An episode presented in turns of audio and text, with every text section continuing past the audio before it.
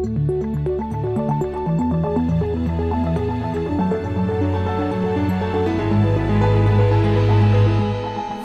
This Morning.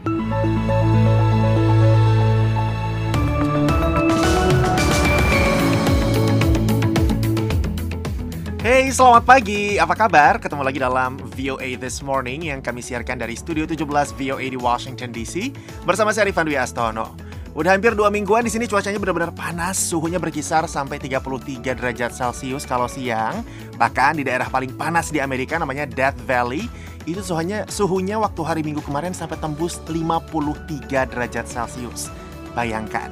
Dan pakar bilang ini adalah gambaran iklim kita nanti kalau upaya-upaya buat meredam pemanasan global nggak maksimal. Tapi yang jelas di hari Selasa tanggal 18 Juli 2023 ini walaupun panas, redaksi VOA tetap bakal menghadirkan berbagai berita update buat Anda dari dalam dan luar negeri. Di antaranya, Amerika Serikat marah karena Rusia menghentikan secara sepihak kesepakatan ekspor gandum dari Ukraina yang mengancam ketahanan pangan banyak negara. Russia has dealt another blow to the world's most vulnerable. Rosan Ruslani yang sebelumnya menjabat Duta Besar Indonesia untuk Amerika Serikat baru dilantik menjadi Wakil Menteri BUMN. Kenapa pemerintah cepat sekali ya merotasi jabatan Dubes untuk Amerika? apakah ketika mereka menjabat dalam waktu yang singkat itu Indonesia secara diplomatik sudah cukup bisa membangun hubungan dengan Amerika itu memang jadi sebuah persoalan tersendiri. Jangan lupa siaran ini juga dapat Anda simak secara live streaming di situs kami www.voaindonesia.com atau dengarkan kapan saja dalam podcast VOA This Morning di platform podcast langganan Anda. Sekarang kita simak dulu berita dunia bersama Eva Mazrieva. Selamat pagi pendengar, Presiden Rusia Vladimir Putin hari Senin mengatakan akan menanggapi serangan terhadap jembatan Kerch. Ini ditegaskannya dalam pertemuan dengan sejumlah pejabat Rusia dan Crimea tentang situasi terakhir pasca serangan tersebut. Tentu saja akan ada tanggapan dari Rusia, ujarnya. Kementerian Pertahanan sedang menyiapkan proposal yang relevan. Sebuah serangan sebelum Fajar merusak sebagian jembatan yang menghubungkan Rusia dan Crimea, wilayah yang dianeksasi Rusia. Serangan hari itu telah memaksa penutupan sementara jembatan itu yang kedua kali dalam kurang dari satu tahun. Dua orang tewas dan seorang lainnya luka-luka dalam serangan tersebut. Lalu lintas kendaraan di jembatan Kerch terhenti, sementara lalu lintas kereta api sepanjang 19 km dihentikan selama sekitar 6 jam. Komite Anti Teroris Nasional Rusia mengatakan serangan itu dilakukan oleh dua pesawat nirawak maritim Ukraina. Serangan ini merupakan serangan besar kedua di jembatan itu sejak Oktober 2022 lalu ketika sebuah truk yang dipadati bom meledakkan dua bagian jembatan itu. Kapal terakhir yang membawa biji-bijian yang merupakan bagian dari terobosan kesepakatan masa perang hari Senin ini siap berlayar dari Ukraina sebelum Rusia menghentikan inisiatif itu. Rusia pada hari Senin menghentikan perjanjian yang memungkinkan pengiriman biji-bijian dari Ukraina ke negara-negara di Afrika, Timur Tengah, dan Asia, di mana kelaparan merupakan ancaman dan tingginya harga pangan telah mendorong lebih banyak orang terpuruk dalam kemiskinan. Juru bicara Kremlin Dmitry Peskov mengatakan Black Sea Grain Initiative akan ditangguhkan hingga permintaan untuk mendapatkan pangan dan pupuk Rusia bagi dunia tercapai. Meskipun Rusia mengeluhkan pembatasan pengiriman dan asuransi telah menghambat ekspor pertaniannya, namun sejak tahun lalu Rusia telah mengirimkan gandum dalam jumlah besar. Berbicara di New York, Wakil Sekjen PBB untuk urusan politik dan perdamaian, Rosemary DiCarlo mengatakan, keputusan Rusia menangguhkan Black Sea Grain Initiative akan menjadi pukulan besar bagi orang-orang yang membutuhkan di mana saja. Penangguhan itu menandai berakhirnya kesepakatan yang ditengahi Amerika dan Turki pada musim panas lalu untuk mengizinkan pengiriman makanan dari wilayah Laut Hitam pasca invasi Rusia ke Ukraina yang memperburuk krisis pangan dunia.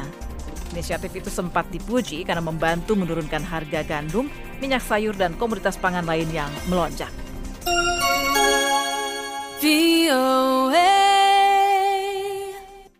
Keluarga Jamshid Sharmat, pembangkang politik Jerman keturunan Iran yang difonis mati di Iran, hari Senin menyampaikan keprihatinan atas kondisi Jamshid sehari setelah sebelumnya melakukan pembicaraan telepon dengannya. Ghazale Sharmat, putri Jamshid, mencuit di Twitter, setelah lima bulan, hari ini untuk pertama kali saya diizinkan berbicara melalui telepon dengan ayah saya. Sangat memprihatinkan ketika ia kehilangan kontak dengan putrinya selama dua tahun, dan kini ia diizinkan bicara. Mungkinkah ini telepon perpisahan kami, ujarnya. Jamshid Sharmat memiliki dui kewarganegaraan Jerman dan Iran dan dituduh mendalangi pemboman sebuah masjid di Shiraz tahun 2008. Jamshid telah membantah tuduhan itu, namun ia difonis hukuman mati dan kini sedang menunggu pelaksanaannya. Jamshid yang berusia 68 tahun pernah tinggal di Amerika, di mana ia menjabat sebagai juru bicara Tondar, sebuah kelompok yang bertujuan memulihkan monarki yang memerintah di Iran dan didukung Barat sebelum revolusi Islam Iran tahun 1979. Keluarganya mengatakan pihak berwenang Iran menculik Jamshid ketika ia singgah di Dubai tahun 2020. Amnesty International mengatakan Jamshid tidak mendapat perawatan kesehatan yang memadai dan menyerukan pembebasannya. Sementara Jerman mengutuk keras vonis hukuman mati yang dijatuhkan terhadapnya. Senat Amerika pada hari Selasa besok akan memulai rancangan undang-undang anggaran yang sangat besar yang menetapkan prioritas anggaran belanja untuk militer pada tahun-tahun mendatang. DPR yang dikuasai Partai Republik pada Jumat lalu telah meloloskan rancangan undang-undang otorisasi pertahanan nasional bernilai 874,2 miliar dolar dengan suara 219 banding 210. Prioritas konservatif dalam rancangan undang-undang itu didukung oleh Freedom Caucus di DPR, yang berarti tidak akan ada peluang bagi rancangan undang-undang itu untuk diloloskan di Senat yang dikendalikan Partai Demokrat. Versi Senat telah diloloskan oleh Komite Angkatan Bersenjata Senat dengan suara 25 banding satu sebelumnya bulan ini. Pemimpin mayoritas Senat yang berasal dari Partai Demokrat Chuck Schumer mengatakan ia menantikan debat di partisan hari Selasa dan mengatakan bahwa kita penting untuk menjaga negara agar tetap aman, mendukung teman-teman kita di Ukraina, mengalahkan Tiongkok, dan memberikan kenaikan gaji yang layak bagi tentara kita. Para pemimpin Uni Eropa dan Amerika Latin hari Senin berkumpul di Brussels untuk memulai pertemuan selama dua hari. Para pemimpin ini terakhir kali melangsungkan pertemuan serupa 8 tahun lalu.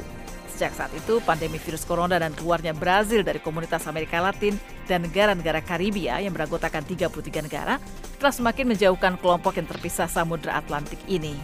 Presiden Komisi Uni Eropa Ursula von der Leyen mengatakan, sejak saat itu dunia tentunya sudah berubah.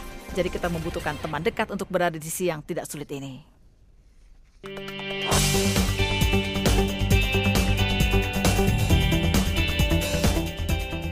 VOA This Morning, Amerika Serikat telah menyatakan kemarahannya setelah Rusia secara sepihak menghentikan kesepakatan bersejarah masa perang yang memungkinkan gandum mengalir dari Ukraina ke negara-negara di Afrika, Timur Tengah, dan Asia, di mana kelaparan menjadi ancaman yang berkembang dan harga pangan yang tinggi telah mendorong orang ke dalam kemiskinan. Tim VOA melaporkan selengkapnya.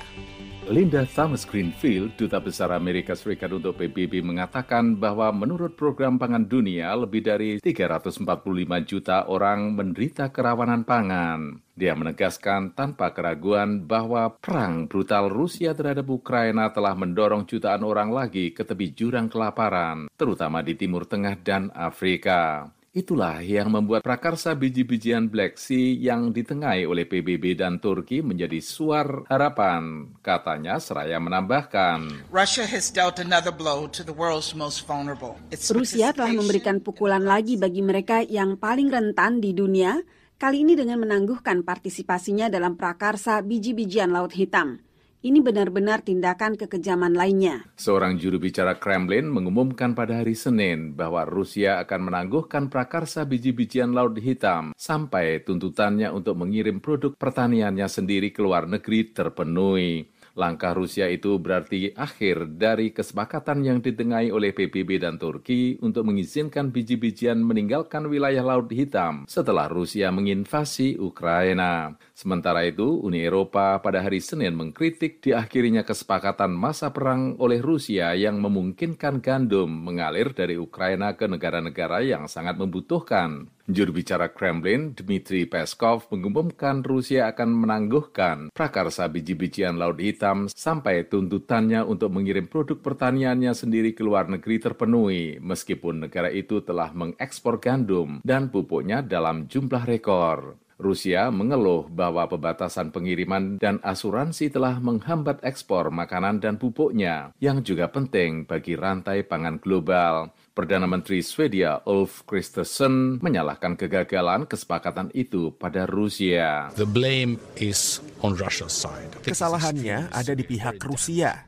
Ini semua salah Rusia. Saya pikir ini sangat parah, sangat merusak dalam banyak hal. Merusak Ukraina, merusak negara-negara Afrika dan Timur Tengah.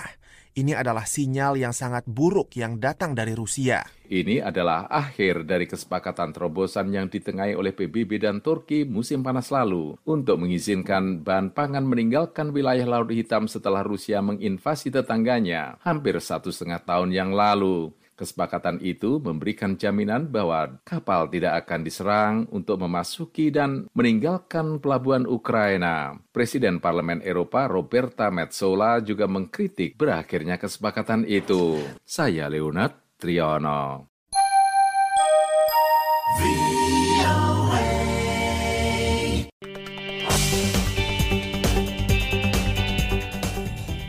Aktor Hollywood Jumat lalu menggelar aksi mogok.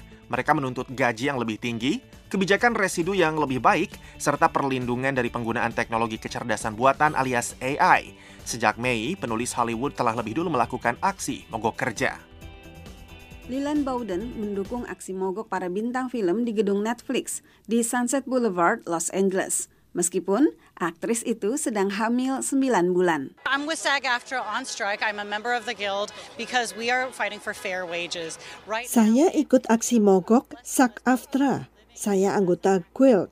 Kami memperjuangkan upah yang adil karena sekarang penghasilan sebagai aktris semakin sulit untuk mencukupi kebutuhan hidup. Pada Jumat, setelah negosiasi yang gagal dengan studio besar dan layanan streaming, SAG-AFTRA serikat pekerja yang mewakili sekitar 160 ribu bintang film dan televisi, bersama profesional media lainnya di seluruh dunia menggelar aksi mogok.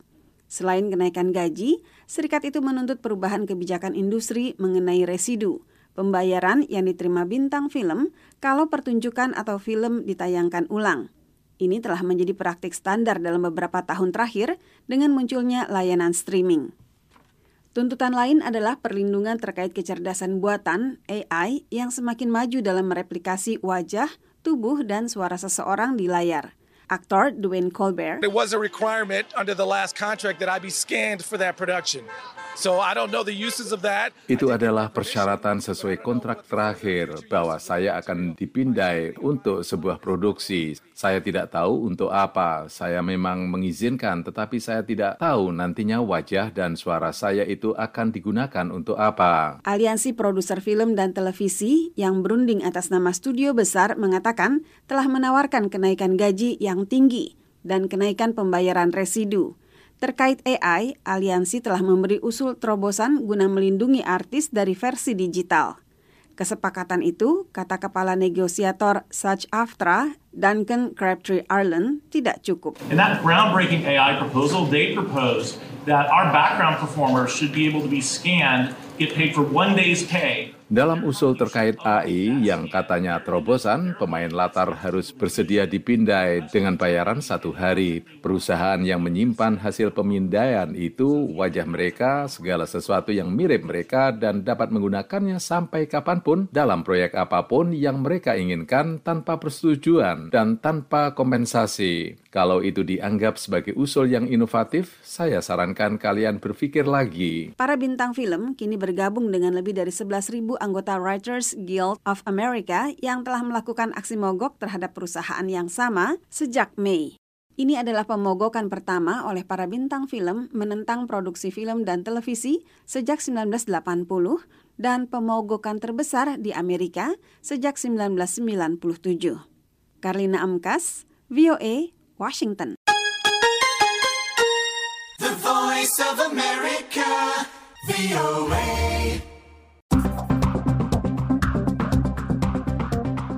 Pendengar kita beralih ke berita dalam negeri. Rotasi Duta Besar Indonesia untuk Amerika Serikat yang begitu cepat dalam beberapa tahun terakhir ini mengundang pertanyaan. Salah strategikah atau memang Amerika dinilai tidak penting? Fatih Wardah melaporkan dari Jakarta. Presiden Joko Widodo pada hari Senin melantik satu menteri dan lima wakil menteri. Di antara lima wakil menteri itu terdapat Rosan Perkasas Roslani yang ditarik pulang dari posisinya sebagai Duta Besar Indonesia untuk Amerika dan ditunjuk menjadi Wakil Menteri Badan Usaha Milik Negara. Rosan yang baru menjabat pada 25 April 2021 adalah duta besar ketiga dalam empat tahun terakhir yang tidak menyelesaikan masa jabatannya secara penuh. Umumnya masa jabatan seorang duta besar berkisar antara 3 hingga 5 tahun tergantung kebutuhan dan berbagai pertimbangan lain. Pendahulu Rosan Muhammad Lutfi hanya menduduki posisi yang sama selama kurang lebih dari tiga bulan yaitu 14 September hingga 23 Desember 2020. Lutfi kemudian ditarik pulang dan diangkat menjadi Menteri Perdagangan. Pendahulu Lutfi Mahendra Siregar menjabat selama 9 bulan antara 7 Januari hingga 25 Oktober 2019.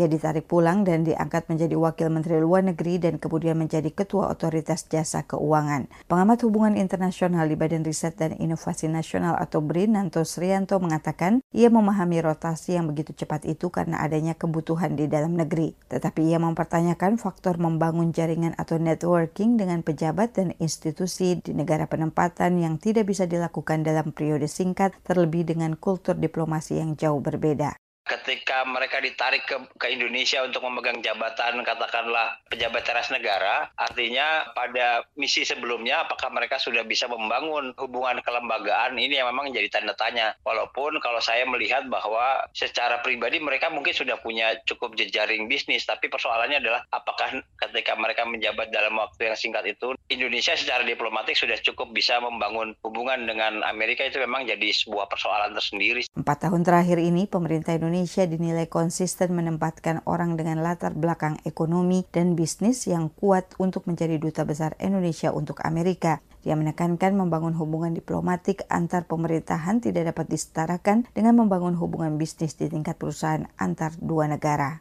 Teguh Reza Sa, pengamat hubungan internasional di Universitas Pajajaran menilai faktor Amerika sebagai negara adidaya yang sudah menjalin hubungan dengan Indonesia selama hampir 75 tahun berperan besar dalam sejarah pembangunan dan mendorong perekonomian tentunya menjadi salah satu pertimbangan ketika memilih diplomat tinggi yang mewakili kepentingan pemerintah dan rakyat Indonesia di sana. Ia tidak menjawab ketika ditanya apakah hal ini karena salah strategi. Karena saya perhatikan, mereka yang sudah pernah ditempatkan di Amerika Serikat tersebut tersebut pulang mereka dapat jabatan lain di eksekutif. Jadi mungkin Pak Jokowi ingin membuktikan kepada Amerika bahwa mantan para dubes kami itu memiliki visi, misi dan juga strategi dan tujuan yang sesuai dengan pemahaman Anda. Dari Jakarta, Fatia Wardah melaporkan untuk VOA Washington.